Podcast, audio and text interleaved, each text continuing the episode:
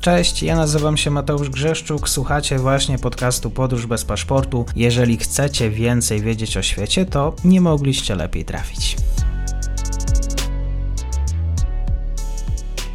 Dzień dobry wszystkim słuchaczom. Pozostajemy w tematach ukraińskich. Będziemy rozmawiać o wizycie, wizycie y, prezydenta Erdoana w czwartek właśnie z Władimirem Zeleńskim, e, o to jak y, wyglądają te relacje turecko-ukraińskie. Zresztą już y, pierwszy etap mamy za sobą, bo właśnie z moim gościem, który jest Aleksandra Spancerska, rozmawialiśmy o, o tym, co może się wydarzyć dzisiaj. Porozmawiamy o tym, co się działo w Kijowie. Dzień dobry, dziękuję za przyjęcie zaproszenia. Dzień dobry, dziękuję bardzo za zaproszenie do rozmowy. Prezydent Erdoğan powiedział, że jest gotowy, by robić wszystko, co w jego mocy, aby zakończyć ten kryzys między Ukrainą i Rosją. Czy rzeczywiście prezydent jest w stanie zrobić wszystko dla Ukrainy? Rozmawialiśmy sobie e, na naszym, podczas naszej ostatniej rozmowy o tym, że tutaj Rosja ma wiele punktów nacisków na Turcję, więc zobaczymy, jak to dalej się potoczy. W rozmowie tutaj z Karoliną Wanną Olszowską zasygnalizowałam, że no, jestem bardzo ciekawa, czy prezydent Putin pojawi się w Ankarze w drodze powrotnej z ceremonii otwarcia igrzysk i wtedy być może no, moglibyśmy tutaj ujawnić coś więcej, ale oczywiście w sferze deklaratywnej tutaj e, Turcja jako E,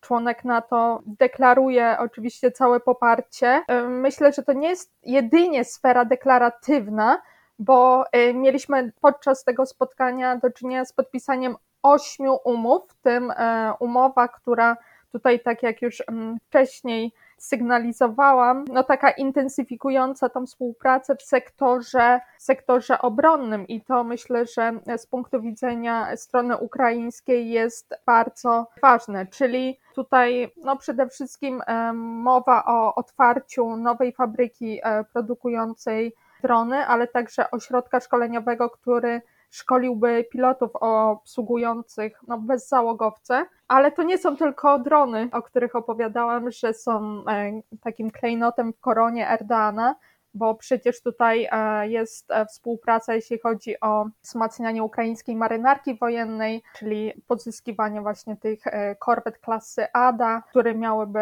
wzmocnić pozycję Ukrainy na Morzu Czarnym, ale też Azowskim, więc ta kooperacja oczywiście będzie intensyfikowana. I myślę, że dla strony ukraińskiej to bardzo, bardzo dobry znak.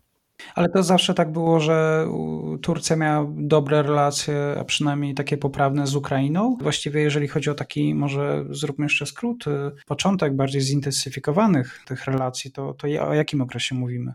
Od 2011 roku ustanowiono właśnie to współ, e, współpracę na poziomie strategicznym i jakby od tego czasu no mamy dużą częstotliwość e, spotkań. Tak jak e, wspomniałam już podczas naszej ostatniej rozmowy, szereg porozumień, między innymi 2017 rok to jest wprowadzenie tego ruchu bezwizowego, więc i do tego podczas właśnie ostatniej wizyty po, e, doszło do długo oczekiwanej no, podpisania umowy o wolnym handlu, więc e, na pewno dla strony tureckiej to jest korzystne, bo w kontekście bieżących problemów gospodarczych wszystko, co może wpłynąć na utrzymanie płynności, e, jest tutaj bardzo dobrze odbierane, a strona ukraińska tutaj Oczywiście wskazuje na nowe miejsca pracy, oszczędność na cłach. E, spotkałam się też z wypowiedzią minister gospodarki, która mówi, że to przyczyni się do rocznego wzrostu PKB o 2%, więc jak najbardziej e, to jest afirmatywnie e, odczytywane przez obie strony. Czy rzeczywiście jest szansa na to, że prezydent Rosji odwiedzi Erdogana? No cóż, i niestety nie siedzę w głowie prezydenta e, Putina, więc trudno mi tutaj udzielić na to pytanie e, jednoznacznej odpowiedzi. Myślę, że każdy teraz e, w Europie zastanawia się, co ma w głowie prezydent Putin i czy rzeczywiście będzie chciał skorzystać z tej oferty mediacyjnej, która została zaoferowana przez prezydenta Erdoana. E, myślę sobie, że dla Rosji Turcja niekoniecznie może być e, odbierana jako taki ten honest broker, no bo raz e, jest członkiem NATO, tak, więc może tutaj wywierać presję na Morzu Czarnym, może potencjalnie przyłączyć się do sankcji, chociaż nie sądzę, żeby Turcy to zrobili, bo są zbyt pragmatyczni, więc myślę, że prezydent Putin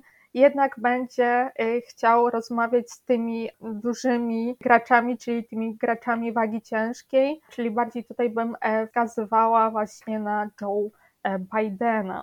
Ale y, no, bądźmy dobrej myśli, że panowie spotkają się tutaj e, w pałacu prezydenckim w Ankarze, być może przy kawie, baklawie albo herbacie dla prezydenta Putina. Tego nie wiem ale oczywiście wszelkie e, wysiłki mediacyjne, no jakby tutaj są bardzo pozytywnie odczytywane i jakby myślę, że to też e, poprawia wizerunek Turcji w oczach e, Zachodu, bo tutaj Turcy bardzo mocno o, o to zabiegają, więc chodzi im o ocieplenie wizerunku.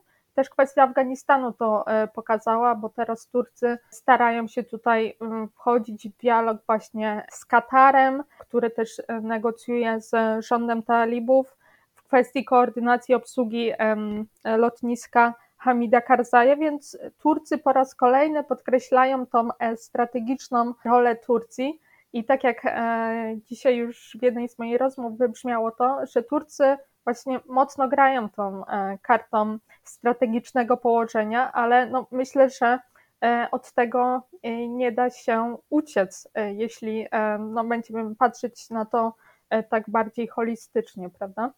To jeszcze jedno pytanie w takim razie na koniec. Ministerstwo właściwie spraw zagranicznych Turcji, również w kontekście tego, co się dzieje na, na Ukrainie, wskazywało na kwestię ochrony Tatarów krymskich. Jak właściwie Tatarzy, jaką oni odgrywają rolę, jeżeli odgrywają? Tak, tutaj ten temat jakby pojawia się w tureckiej narracji od momentu właśnie aneksji Krymu i tutaj Turcy właśnie wskazują na ten komponent historyczny, kulturowy tych więzi i nawet w przemówieniu które pojawiło się przy mm, prezydenta Ukrainy na wspólnej konferencji e, prasowej. No, on powiedział o Tatarach krymskich e, jako o tym komponencie, który stworzył taki e, historyczny most przyjaźni pomiędzy państwami. Tutaj Turcy na arenie międzynarodowej mocno akcentują tą narrację.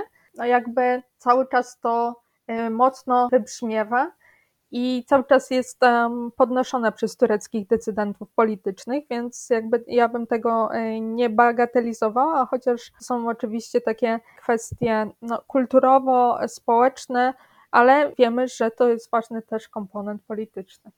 Na zaproszenie prezydenta Ukrainy, prezydent Turcji pojawił się właśnie w Kijowie w czwartek. Będziemy patrzeć właściwie na to, jak się zachowa Turcja w przyszłości, również jako członek NATO, jak i też również ważny gracz w tym regionie. Dzisiaj moim gościem była Aleksandra Spancerska. Bardzo dziękuję.